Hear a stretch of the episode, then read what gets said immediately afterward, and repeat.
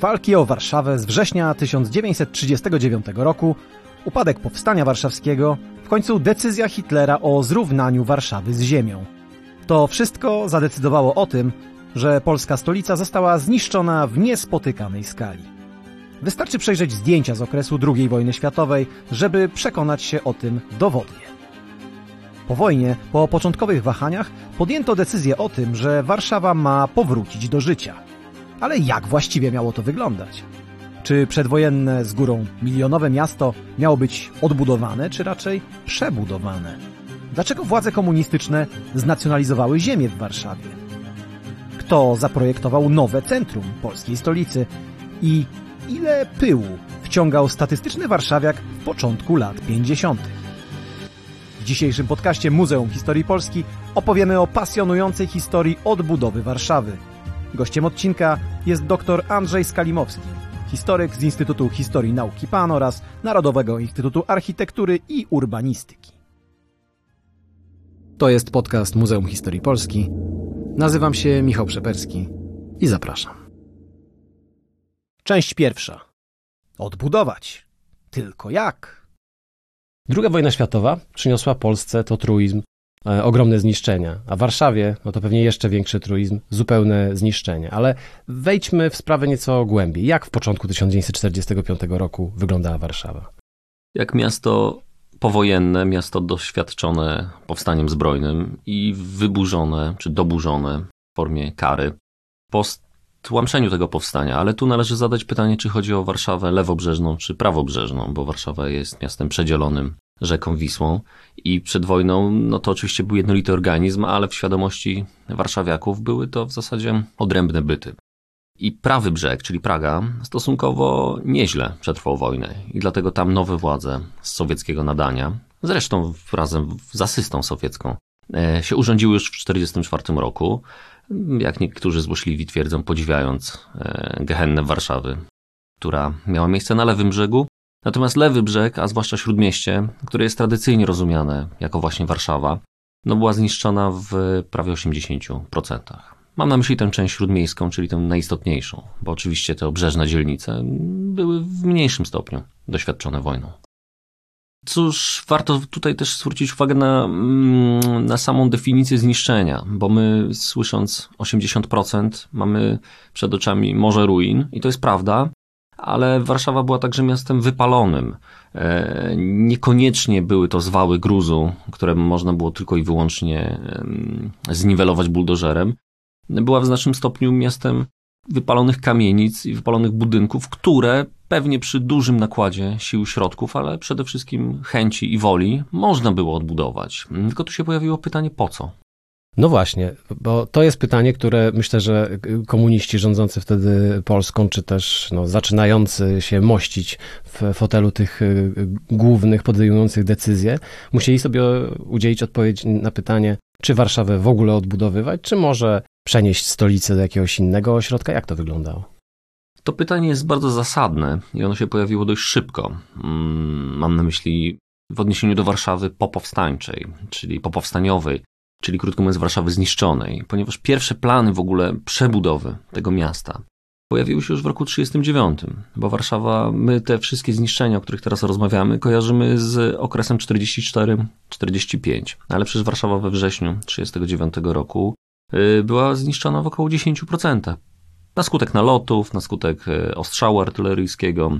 W związku z tym pomysł, żeby ją przebudować, pojawił się dość szybko. Nie można było tego zrobić z oczywistych względów, ponieważ miasto było okupowane i Niemcy mieli swoje plany w odniesieniu do tego miasta, zresztą również innych polskich miast, ale do Warszawy w szczególności. Chcieli z niej zrobić po prostu prowincjonalne miasto, quasi obóz pracy przymusowej, który byłby takim węzłem komunikacyjnym obsługującym przejeżdżające wojsko w kierunku wschodnim. To się na szczęście nie ziściło, ale w roku 1944 i 1945, kiedy Warszawa właściwie przestała istnieć w takim rozumieniu potocznym. Komuniści, czy właściwie no, władze, które e, były kreowane przez, e, przez Sowietów na przyszłych e, wielkorządców, jak się okazało, Polski, mm, no, przystąpili do prac nad odbudową Warszawy, a jednocześnie nad przebudową tego miasta. te pierwsze plany, one były dosyć dobrze skoordynowane. One się toczyły w Lublinie. To nie jest tak, że to było zupełnie pozostawione na wżywioł planistyczny. Natomiast skala zniszczeń, jaka się okazała w już 1945 roku po takiej no, jakby lustracji na miejscu, była tak ogromna, że pytanie o to, czy tę Warszawę odbudowywać, no, pojawiło się w głowach polityków dość szybko. E, a jeżeli ją odbudowywać, to jak, w jaki sposób, za co? Mm, no i pojawił się pomysł, żeby na przykład przenieść stolicę do Łodzi. To był pomysł dobry, ponieważ Łódź wypada w tych nowych połojałtańskich granicach w centrum Polski. Jednocześnie było takim miastem, hmm, no nie chciałbym tu nikogo urazić, ale no miastem bez historii, prawda? Takim miastem XIX-wiecznym, którym można było łatwo, można było łatwo tę historię napisać na nowo, a jednocześnie dysponowało niezłą bazą lokalową, bo poza oczywiście kamienicami i budynkami dla robotników było tam sporo pałaców mieszczańskich, a każda władza lubi mieszkać wygodnie.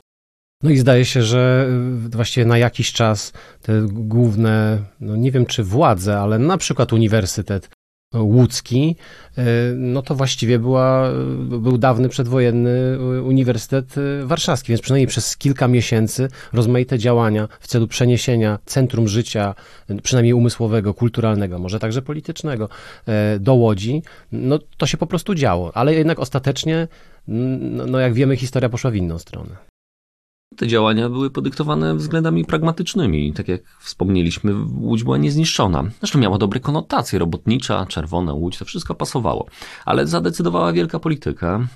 Bolesław Bierut z Władysławem Gomułką udali się w roku 1945 do Moskwy po instrukcję no, w różnych kwestiach, ale między innymi w kwestii stołeczności Warszawy.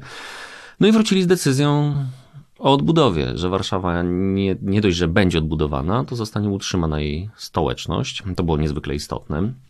A co za tym szło, jeżeli pozostanie stolicą, to wszystkie urzędy, o których tutaj wspominaliśmy, także ośrodki naukowe, no wszystko to, co jakby tworzy klimat stolicy, y, do Warszawy powrócą. No i to była decyzja przełomowa. Nie chciałbym tutaj przeceniać roli Stalina, no bo wiadomo, że nie, lepiej nie, przecy, nie przeceniać wpływu jednostki na losy świata, ale, ale w tym przypadku chyba tak. No Stalin po prostu wiedział, że jeżeli są władze e, w Londynie, władze emigracyjne, które oczywiście no, są traktowane czy uznawane jako legalne władze polskie i one nie podnoszą w ogóle kwestii stołeczności Warszawy, jest to rzecz oczywista, no to on nie będzie robił rewolucji. Zanim przejdziemy sobie do tego, w jaki sposób ta odbudowa e, wyglądała, no to myślę, że muszę zadać jeszcze jedno pytanie. Gdy dzisiaj w mediach albo czasem we wspomnieniach mówi się e, o, o, Warszawie, to można odnieść takie wrażenie, że to było cudowne, piękne miasto. No nie tylko miasto z ogromną tradycją, no bo to akurat prawda, ale też miasto po prostu piękne, pięknych kamienic, pięknych e, klubów, miejsc, parków, gdzie eleganckie panie i eleganccy panowie przechadzali się wieczorami no ale to chyba jest tylko jakaś mała część prawdy o Warszawie przedwojennej. No to jest wycinek. Dzisiaj byśmy, mówiąc językiem współczesnego marketingu, była to taka wizytówka, widokówka Warszawy. Proszę zwrócić uwagę, że zazwyczaj te fotografie są robione w śródmieściu.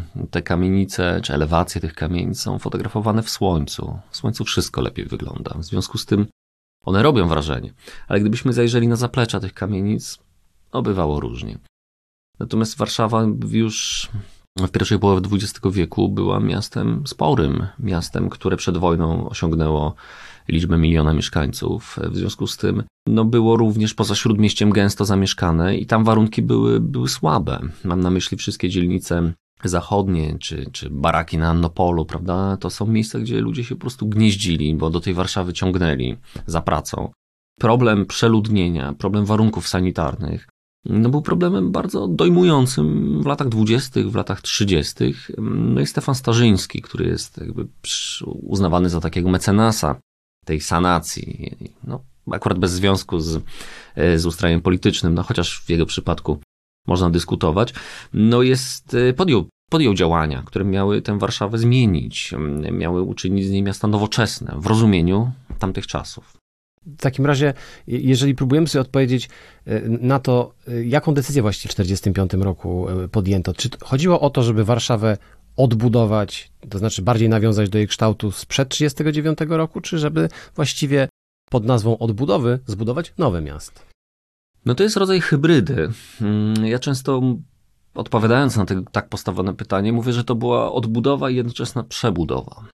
Ponieważ co do tego, że Warszawa ma być powtórzeniem siebie samej sprzed roku 1939, e, chyba, no chyba nikt tego nie zakładał. Zarówno ci konserwatorzy, jak się określa grupę konserwatorów zabytków czy architektów architektury zabytkowej, no, którzy dążyli do jak największego nasycenia tej substancji architekturą zabytkową, bo uważali, że to świadczy o tożsamości miasta. Ale oni nie byli przeciwni poprawie warunków życia w tym mieście. No i druga grupa, także publicystycznie nazywana modernistami, która zresztą miała bardzo czarny PR e, w latach 90., zwłaszcza. E, oni uważali, że Warszawę należy zbudować w zasadzie od nowa, pozostawić parę charakterystycznych punktów. Jakieś kościoły, katedry, kilka pałaców, oczywiście zupełnie z innym przeznaczeniem, natomiast budować na nowo. Budować bloki, budować bloki pośród zieleni, rozgęszczać tę zabudowę, e, napowietrzyć to miasto, mm, jakby zmienić zupełnie jego charakter. To też nie jest nic oryginalnego, to są tendencje z lat dwudziestych, które zostały zebrane i, i opublikowane w tak zwanej karcie ateńskiej. Mm, tutaj już nie będziemy w to wchodzić, ale wszystkie te koncepcje Corbusiera, to to oczywiście także rezonowało i jakby znajdowało odbicie w Polsce. No i przez ci ludzie w 1945 roku w znacznej mierze to byli ludzie, którzy przetrwali wojnę, którzy chłonęli to w latach 30. No i nagle się pojawiła szansa wcielenia tego w życie. No i tu się pojawiają komuniści, o których pan mówił, którzy bardzo sprytnie te spory wykorzystali. Zresztą w ogóle taktyka salami, przyciągania intelektualistów do, do jakby swojego, do swojego zadania, jakim była odbudowa Polski przecież, prawda? Dobrze im bardzo szło. Oni po prostu trochę postanowili wykreować coś na kształt szantażu moralnego, że przecież Warszawa, bohaterskie miasto, tak bardzo zniszczone, mm, trzeba je odbudować, bez względu na sympatie polityczne. I bardzo wielu architektów w to poszło. Powiedzmy sobie może teraz, y, w jaki sposób wyglądał cały ten proces odbudowy. No bo z jednej strony, kiedy patrzy się na przykład na kroniki filmowe z przełomu lat 40. i 50., to widzimy tłumy warszawiaków, ale w ogóle Polaków zjeżdżających z, z całej Polski. Cały naród buduje swoją stolicę, takie było hasło, ale zdaje się, że zanim zaczęła się taka zorganizowana, w pełni zaplanowana odbudowa Warszawy, no to chyba był taki moment odbudowy spontanicznej. Zawsze przy tego typu wydarzeniach, no akurat w przypadku Warszawy niezwykle tragicznych, e, gdzie miasto było w stanie śmierci klinicznej w roku 1945. E, miastem bardzo niebezpiecznym, bo wbrew temu, co propaganda PRL-owska później głosiła, to był jeden z mitów założycielskich e, przecież PRL 17 stycznia 1945 roku, wyzwolenie Warszawy. Nikt o Warszawę nie walczył. Niemcy Warszawę opuścili, ale uprzednio ją zaminowali. W związku z tym to miasto było naprawdę niebezpieczne. Stało się miastem przyfrontowym. E, żeby do niego wejść, czy właściwie do tych ruin, trzeba było mieć specjalną przepustkę, e, żeby posterunek wojskowy przepuścił. Mimo tego warszawiacy powracali. W różny, sobie tylko najczęściej znany sposób się do tego miasta przedostawali. No jak to się ładnie mówi, zagłosowali nogami. Po prostu zaczęli to miasto odgruzowywać. To też jest niezwykle istotne w kontekście tego, o czym mówiliśmy na początku, czyli jakby w ogóle decyzji o odbudowie. Nagle się okazało, że no miasto wysiedlone, wyludnione, ale jednak żyje. W związku z tym władze musiały zintensyfikować swoje działania i one w pierwszym kierunku szły w stronę zabezpieczania tego, co zostało. Zabezpieczano przede wszystkim gmachy użyteczności publicznej, no jakby już pod kątem tych, tych e, ich docelowego przeznaczenia późniejszego, czyli sprowadzenia tam urzędów. Natomiast sami mieszkańcy podnosili i remontowali, jeżeli się udało, własne domy, jeżeli przeżyli i domy przetrwały, a jeżeli nie, to byli to ludzie nowi, którzy szukali swojego miejsca do życia. Tutaj oczywiście to jest wielki wątek, tutaj było mnóstwo tragedii, mm, po prostu ludzie w tych ruinach ginęli, czy to na skutek wypadków, czy to na skutek właśnie celowo pozostawionych pułapek przez Niemców, granatów w szafach, podpiłowanych stropów, min. Tutaj można byłoby o tym mówić długo, więc to jest ten pierwszy okres. E, on dość szybko się, hmm, dość szybko się zakończył, ponieważ właściciele, którzy powrócili, czy ludzie, którzy byli przez tych właścicieli upoważnieni, mm, no oni zaczęli to życie organizować. Mam na myśli, że zaczął odradzać się handel, usługi, czyli to wszystko, co sprawia, że miasto żyje. E, no i tutaj władze musiały podjąć dość radykalne decyzje. W 1945 roku został ogłoszony tzw. Tak dekret komunalizacyjny, y, który przejmował wszystkie grunty na terenie Warszawy. One przechodziły na własność gminy. Krótko mówiąc, zostały znacjonalizowane. To ukróciło tę spontaniczną, prywatną, jak to się mówiło, odbudowę. No i dało państwu y, bardzo silne narzędzie do kreowania przestrzeni publicznej. Nagle się okazało, że Biuro Odbudowy Stolicy, czyli instytucja powołana w celu odbudowy i zaplanowania nowego miasta, no, mówiąc krótko, ma gdzie działać. Może wytyszać te szerokie aleje, może stawiać te osiedla, mm, no ale kosztem oczywiście właścicieli prywatnych. Część druga. Miasto z gruzów. Kiedy zaczął się ten moment e, planowej odbudowy? Czy to jest ten moment, 45 rok, kiedy po pierwsze dochodzi do tego, do ogłoszenia tego dekretu komunalizacyjnego, dekretu Bieruta, bo tak on potem jest też w publicystyce nazywany. Pojawia się Biuro Odbudowy Stolicy, ale już chyba jakieś plany odbudowy istnieją.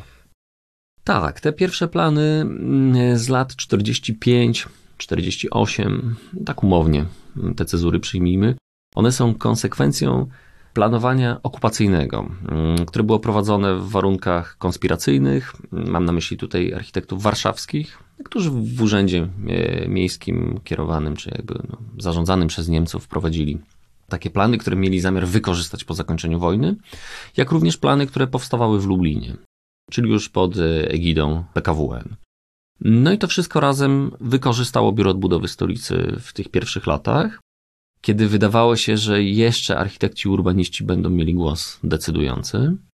To jest też okres wielkich sporów, ponieważ, e, no już nie chciałbym to wchodzić, no ale właśnie ci moderniści z, e, z tymi e, zabytkowiczami się w tym okresie ścierają.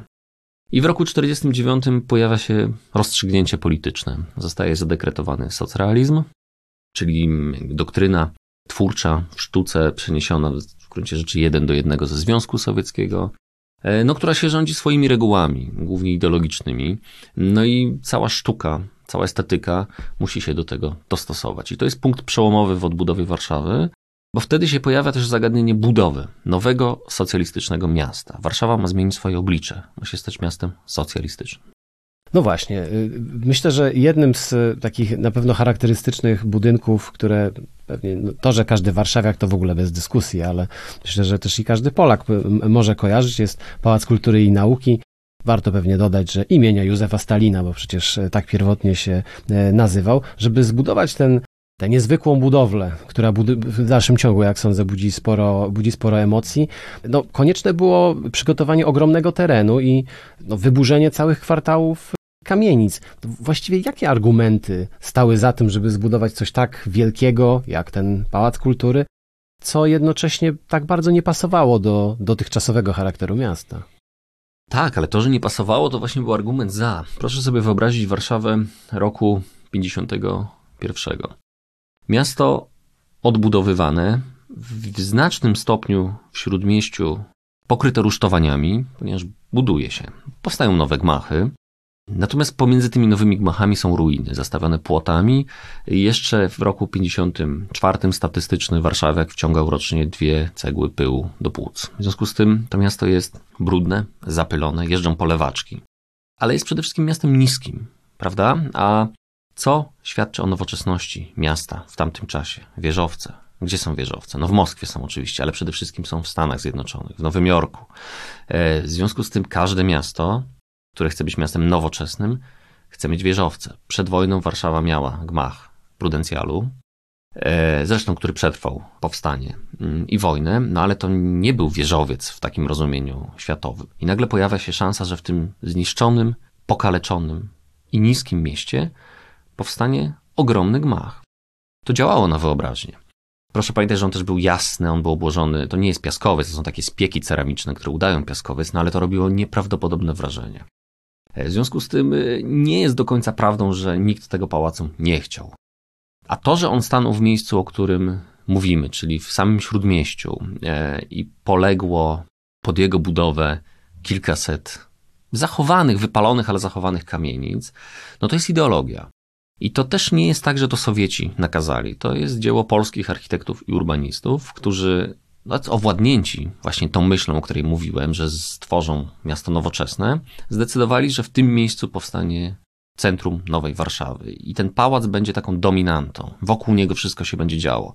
I proszę pamiętać, że wówczas wyburzano nie takie zabytki jak XIX-wieczna kamienica, czy z początku XX wieku kamienica secesyjna. Pod Kilow szły cenniejsze zabytki, w związku z tym wyburzono również ten kwartał pod Pałac Kultury. Jest to podnoszone w dyskusjach krytycznych, ale ja wiem, czy to w tamtym czasie, no, no jakby to jest tak historyczne, ja nie chcę teraz się wczuwać w rolę ówczesnych warszawiaków, ale nie wydaje mi się, żeby to był przedmiot aż tak gorących sporów. Ale uporządkujmy y, fakty. Jest tak, że decyzja o budowie Pałacu Kultury i Nauki jest decyzją, którą podejmuje ostatecznie kto? Rząd polski.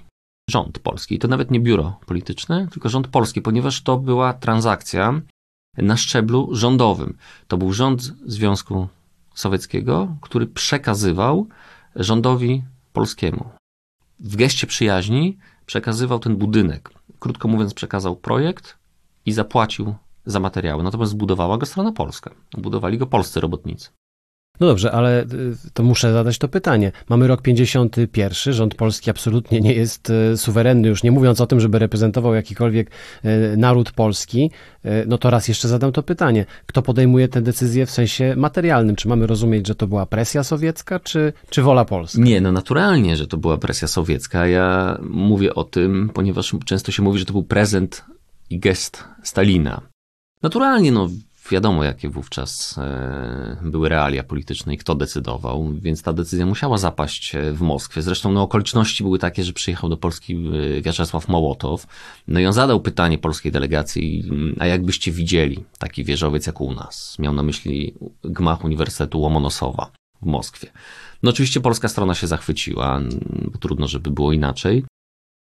I decyzja zapadła. Tutaj często pojawia się taka no, ja to, ja to e, traktuję w kategoriach legendy miejskiej, że można było coś wybrać, prawda, że można wybrać było metro albo osiedle. Nie można było. To nie była kwestia wyboru.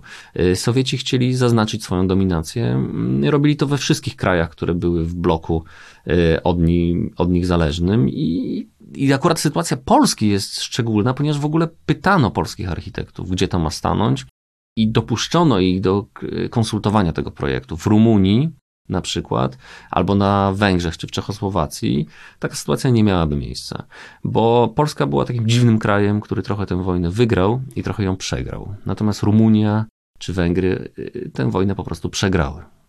No dobrze, mówimy tutaj o budowie y, nowego miasta, o tym, że od 1949 roku y, zaordynowano socrealizm, który y, obowiązywał przez kilka lat jako jedyna możliwa, jedyna dostępna estetyka. No ale w tym wszystkim mamy warszawskie Stare Miasto. Warszawskie Stare Miasto, które z powstania wychodzi zupełnie zdewastowane. No to jak to właściwie jest? To tutaj mamy nowe miasto, które jest budowane w rytm założeń socrealistycznych, a Stare Miasto to próba rekonstrukcji. Wracamy tutaj chyba do tego sporu y, tych, którzy pragnęli miasto zrekonstruować i zbudować je od nowa. Ja tu nie widzę żadnej sprzeczności, bo jeżeli powiemy, czym był socrealizm w dwóch zdaniach, e, no bo oczywiście większość osób, które nas słuchają, podejrzewam, że kojarzy Pałac Kultury i Nauki, jak on wygląda. Ale jakby jego założenia ideowe szły wprost, czy wynikały wprost z założeń socrealizmu, czyli stylu historyzującego, stylu, który miał być socjalistyczny w treści, realistyczny w formie, ale miał czerpać z tradycji. Chodziło o to, żeby on był swojski, prawda? Był monumentalny, to jest jasne, natomiast był swojski, miał być zrozumiały przede wszystkim dla ludzi pracy. Stąd te wszystkie rzeźby, kandelabry, dekoracje, które miały różną treść ideową, ale były zrozumiałe, były czytelne. W związku z tym Stare Miasto, które jest obszarem zabytkowym, który się odwołuje do tradycji, jak najbardziej wpisywało się w postulaty socrealizmu i dlatego zostało odbudowane. Proszę pamiętać, że Stare Miasto zostało odbudowane jako osiedle mieszkaniowe. To jest staromiejskie osiedle mieszkaniowe. Te budynki w środku nie różnią się konstrukcyjnie od budynków, które wznoszono na Muranowie w tym czasie czy w innych dzielnicach Warszawy. E, one się różnią fasadą, one się różnią detalem. Także innym niż przed wojną, ponieważ przed wojną Stare Miasto było nasycone treścią niepodległościową. Po tych wszystkich próbach z lat dwudziestych e, no, poprawienia stanu rzeczy, bo to w ogóle była bardzo niedobra dzielnica. Biedna, niebezpieczna, zaniedbana, zapuszczona. Mm, mam na myśli okres przedwojenny. I komuniści, którzy doskonale wiedzieli, że trzeba się do czegoś odwoływać, że nie można na surowym korzeniu budować, mm, zwłaszcza w takim mieście jak Warszawa, postanowili wskrzesić Stare Miasto. I to, że powstaje jednocześnie so sowiecki gmach Pałacu Kultury i Nauki, a w tym samym czasie bardzo niedaleko odbudowywane jest warszawskie Stare Miasto, nie jest sprzecznością. Moim zdaniem jest właśnie ilustracją, jak władze komunistyczne potrafiły wykorzystać wszystkie istniejące tendencje. Pod tym względem ekipie Bolesława Bieruta szło to naprawdę bardzo dobrze. To, że Warszawa wygląda tak, jak wygląda teraz, to jest może niepopularne, co powiem, jest pokłosiem tego, że w roku 53 Stalin zmarł, w roku 56 umiera Bierut i kończy się odbudowa Warszawy w takim rozumieniu, jak zaczęła się po wojnie. No właśnie, ale czy to znaczy, że skończył się pewnego rodzaju projekt propagandowy? No bo trudno powiedzieć, żeby y, zabudowywanie y, ogromnych pozostałych wolnych przestrzeni Warszawy, czy to w czasach y, Gomułki, czy w czasach Gierka później, się zatrzymało. To, to był proces, który, który dalej trwał, więc w, w jakimś sensie odbudowa Warszawy trwała dłużej, chociaż zastanawiam się, kiedy moglibyśmy powiedzieć, że się skończyła. No chyba jednak nie w połowie lat 50. No niektórzy twierdzą, że ta odbudowa Warszawy jest nieskończona. Niektórzy uważali, że moment odbudowy Zamku Królewskiego w latach 80. jest zamknięciem symbolicznym odbudowy Warszawy. Inni uważają, że dopóki Pałac Saski nie powstanie, Warszawa jest nieodbudowana. No ja nie chciałbym rozstrzygać tego sporu. Prawdopodobnie on jest nierozstrzygalny. Natomiast w rozumieniu politycznym czy w takim zapotrzebowaniu politycznym odbudowa Warszawy kończy się w początku lat 60. W roku 56 dochodzi do władzy Władysław Gomułka, który zresztą trudno mu zarzucać, czy trudno mu przypisywać sympatię do Warszawy, do miasta. On też jakby nie ma takiego stosunku emocjonalnego, negatywnego, jak mu się przypisuje, ale on uważał, że no nie tylko Warszawa, a na pewno nie wyłącznie Warszawa że trzeba dokończyć to, co rozpoczęto, ale trzeba już budować nowe rzeczy, budować bloki, budować gmachy przemysłowe, gmachy urzędowe, czyli krótko mówiąc, tam, gdzie ludzie pracują i budować dla nich mieszkania, a niekoniecznie jakieś wielkie, spektakularne, e, monumentalne budowle albo zabytki. I teraz jeszcze chciałbym jedną rzecz tutaj dorzucić. Bo my mówimy o Warszawie, taki jest temat naszego spotkania, no ale tak jak powiedział Władysław Gomułka, Polska to nie tylko Warszawa. I w roku 57, w roku 56 zostaje odwołany ze stanowiska naczelnego architekta Warszawy Józef Sigalin. To jest symboliczny koniec takiej socrealistycznej, bierutowskiej odbudowy Warszawy. Ale w roku 57 odwołany zostaje ze stanowiska generalnego konserwatora zabytków profesor Jan Zachwatowicz. O tym się mało mówi, ale on zostaje odwołany, ponieważ z całej Polski płyną głosy, że już dość rekonstrukcji zabytków Warszawy, czyli budowania ich na nowo, kiedy przez lata podupadły i były zaniedbane prawdziwe zabytki Krakowa i innych miast. W związku z tym mamy tu symboliczne zamknięcie właściwie całego okresu odbudowy Warszawy, zarówno tej nowej, jak i tej historycznej, i przejścia do budowy nowego miasta. To, o czym Pan wspomniał, czyli budowa oczy odbudowa Warszawy, budowa, ja uważam, że budowa Warszawy za czasów Edwarda Gierka jest jakby kolejnym, kolejną odsłoną propagandowego wykorzystania e, Warszawy e, w kontekście w tym przypadku budowy drugiej Polski. Zdążyliśmy już dzisiaj wymienić e, kilka instytucji, padło trochę nazwisk. Spróbujmy to uporządkować. Jakie instytucje i jakie postaci powinniśmy znać, kiedy mówimy o odbudowie Warszawy? No na pewno należy zacząć od mecenasa odbudowy Warszawy, czyli Bolesława Bieruta, który występował w bardzo różnych rolach, e, zarówno prezydenta Warszawy, e, przepraszam, prezydenta Polski, Rzeczpospolitej Polskiej do roku 52, e, sekretarza Polskiej Zjednoczonej Partii Robotniczej, przewodniczącego różnych komisji, komitetów. Krótko mówiąc, kreowano Bolesława Bieruta na budowniczego Warszawy. Ale był nim rzeczywiście? Był, rzeczywiście. Oczywiście odgrywał swoją rolę y, światła odbitego, bo wielkim budowniczym był Józef Stalin, który budował wszystko, ale także Moskwę. Natomiast Bolesław Bierut budował Warszawę, tak jak jego wielki nauczyciel, ale należy mu sprawiedliwie oddać, że rzeczywiście się w to angażował. Na ile to wynikało z jego zainteresowań, nie wiem, ale dobrze odgrywał swoją rolę. Zresztą ta rola go przerosła, bo w pewnym momencie nie był w stanie już podejmować decyzji, nie był w stanie się uwolnić jakby od dyktatu, który płynął z Moskwy. I to widać w 1954 roku, kiedy do władzy e, doszedł Chruszczow i wywrócił do góry nogami w ogóle e, architekturę i budownictwo, to Bolesław Bierut w ślad za tymi decyzjami natychmiast przerwał wszystkie prace w Polsce. Stąd tak dużo niewykończonych realizacji socjalistycznych. Kolejną osobą w kontekście Warszawy to są wspomnieni, wspomniani już Józef Sigalin, naczelny architekt Warszawy, wcześniej szef Biura Odbudowy Stolicy i profesor Jan Zachwatowicz, e, szef Wydziału Architektury Zabytkowej w Bosie e, i generalny konserwator zabytków. To są osoby, które no, odcisnęły swoje piętno na kształcie tego procesu, jakim była odbudowa. No ale przede wszystkim mieszkańcy Warszawy, którzy e, zdecydowali, tak jak mówiliśmy, o tym, że ta Warszawa będzie wskrzeszona ponieważ gdyby nie ich powrót i gdyby nie ich determinacja, no mogło być różnie. Czy rzeczywiście było tak, że Warszawa przełomu lat 40. i 50. to było Eldorado dla architektów, czy to było takie miejsce, gdzie można było się zawodowo spełnić? No bo tak się zastanawiam, że tam, gdzie tak dużo się buduje, no to właściwie wydawałoby się, że ta przestrzeń na, na, na twórczość jest, choć z drugiej strony jest przecież ten gorset ideologiczny, jest e, system totalitarny, wszechogarniający. No to jak to właściwie wyglądało z perspektywy, no właśnie, twórcy, architekta? Na pewno była to ogromna szansa i to jest ten paradoks, że tragedia miasta stała się szansą dla architektów i urbanistów. Podkreślam to celowo, ponieważ to także byli urbaniści, którzy kreowali e, całe miasta.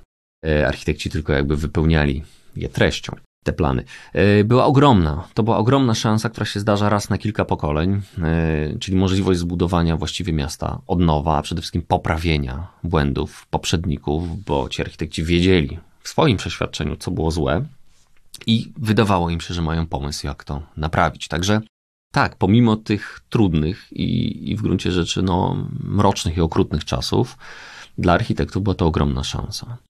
Oczywiście to były różne strategie przystosowawcze. Nawet ci architekci, którzy nie chcieli projektować e, zgodnie z kanonem socjalistycznym, no, mogli projektować architekturę przemysłową, gdzie, gdzie można było więcej. Część trzecia. Sukces czy porażka? Powiedzieliśmy bardzo dużo e, o tym, e, co zrobiły władze komunistyczne, jak bardzo to centralnie ważny był problem dla choćby Bolesława Bieruta.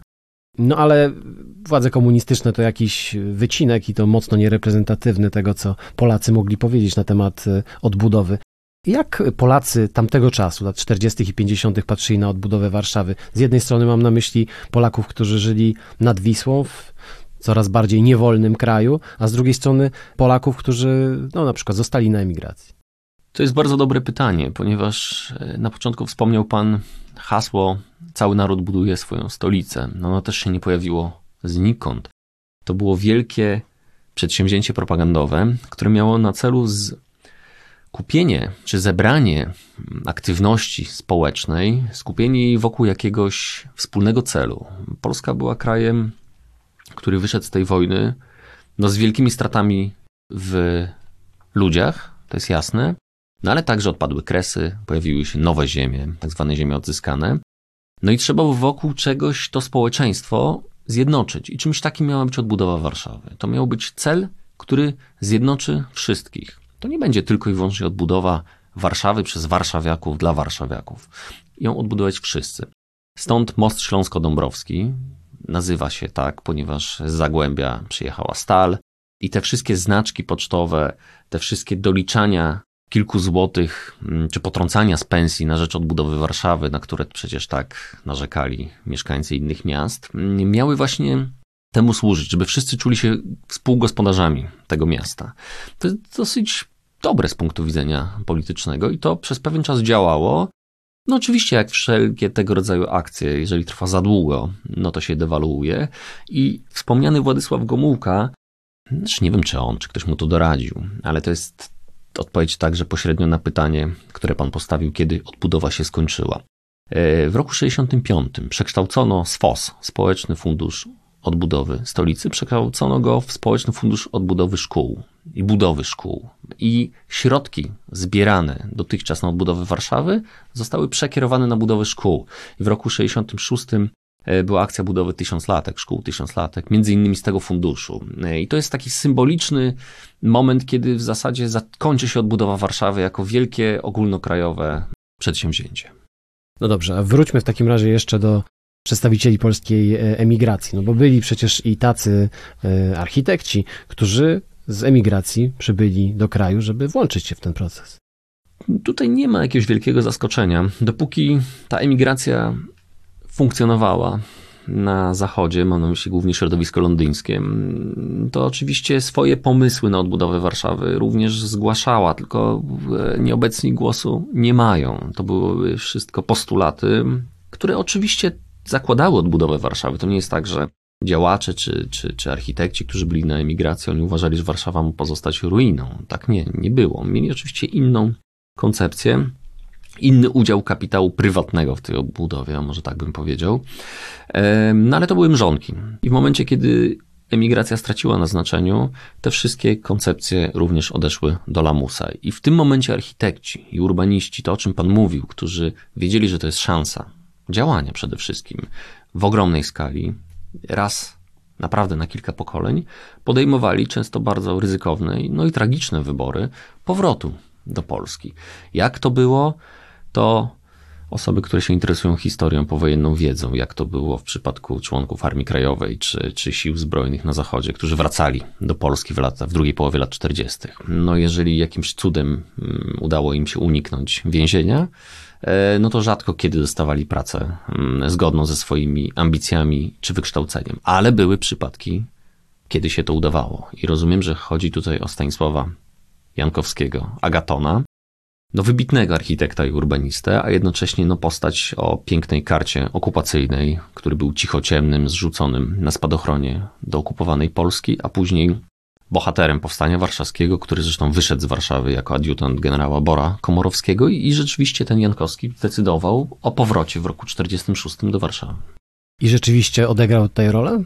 Odegrał. E, I teraz jest pytanie, to nie jest, jak rozumiem, audycja poświęcona postaci Jankowskiego, ale jeżeli o nim rozmawiamy, to w dwóch zdaniach. E, on odegrał rzeczywiście rolę, ponieważ trasa WZ, marszałkowska dzielnica mieszkaniowa, czy inne wielkie inwestycje powojennej Warszawy są związane z jego nazwiskiem. Natomiast jego towarzysze broni do końca życia, on żył długo, więc często do końca ich życia, nie byli w stanie wybaczyć mu tego aliansu z władzami komunistycznymi. On odpowiadał, że nie będzie czekał na trzecią wojnę światową w szafie z karabinem, która nigdy nie wybuchnie, że to jest jego obowiązek jako Polaka i Warszawiaka przystąpić do odbudowy Warszawy, ktokolwiek nią by nie kierował. E, oni uważali, że to była zdrada. Jak było, to już każdy musi rozstrzygnąć sam. Niemniej i takie przypadki się zdarzały. Dlaczego komuniści akurat wykorzystali Jankowskiego? Myślę, że całkowicie instrumentalnie. Oczywiście potrzebny był im fachowiec, to jest jasne. Ich nie było za wielu. Natomiast e, można było wysłać taki przekaz i sygnał, że tutaj ludzie związani z podziemiem nie siedzą w żadnych więzieniach, w obozach, jak mówi propaganda nam nieżyczliwa, czyli Wolna Europa, Radio Wolna Europa, tylko proszę bardzo, budują największe inwestycje w Warszawie. No dobrze, to nas naturalnie prowadzi do puenty naszej rozmowy, a myślę, że powinna nią być jakaś refleksja na temat tego, jak dzisiaj wyglądają dyskusje na temat odbudowy Warszawy, na temat tego, w jaki sposób ona została przeprowadzona i czy należy ją oceniać jako sukces, czy jako porażkę, bo mnie się wydaje, że w dalszym ciągu odbudowa Warszawy no jest tematem żywym, z pewnością w Warszawie. Bez wątpienia, nawet nie tylko w Warszawie, ponieważ wielokrotnie w swojej historii jak i współcześnie jest wykorzystywane jako narzędzie rozgrywek czy przepychanek politycznych. Często się tragizm dwudziestowiecznej Warszawy mm, wykorzystuje do celów no, bardzo doraźnych i to, to jest problem, no ale to jest problem szerszy. Natomiast w kontekście odbudowy Warszawy, y, ja bym jednak zapisał ją po stronie sukcesów. No, udało się podnieść z gruzów miasto, które właściwie no w, w początku 1945 roku wydawało się, że, że pozostanie wielkim cmentarzyskiem. No a dzisiaj mamy jednak e, już prawie 3 milionowe miasto. To jest na pewno sukces. Co do odbudowy, ja jestem jednak zdania, że odbudowa miała swój czas. okres powojenny, ona czemuś służyła. To, o czym mówiliśmy, e, stąd w ogóle koncepcja odbudowy zabytków. Przecież się zabytków nie odbudowywało. XIX wieku odbudowa zabytku była fałszerstwem. Zabytek miał być w takiej formie, w jakiej jest. Jeżeli był zniszczony, niech zostanie trwałą ruiną. A nagle się okazuje, że Polacy i warszawiacy odbudowują Stare Miasto, całe dzielnice, pałace.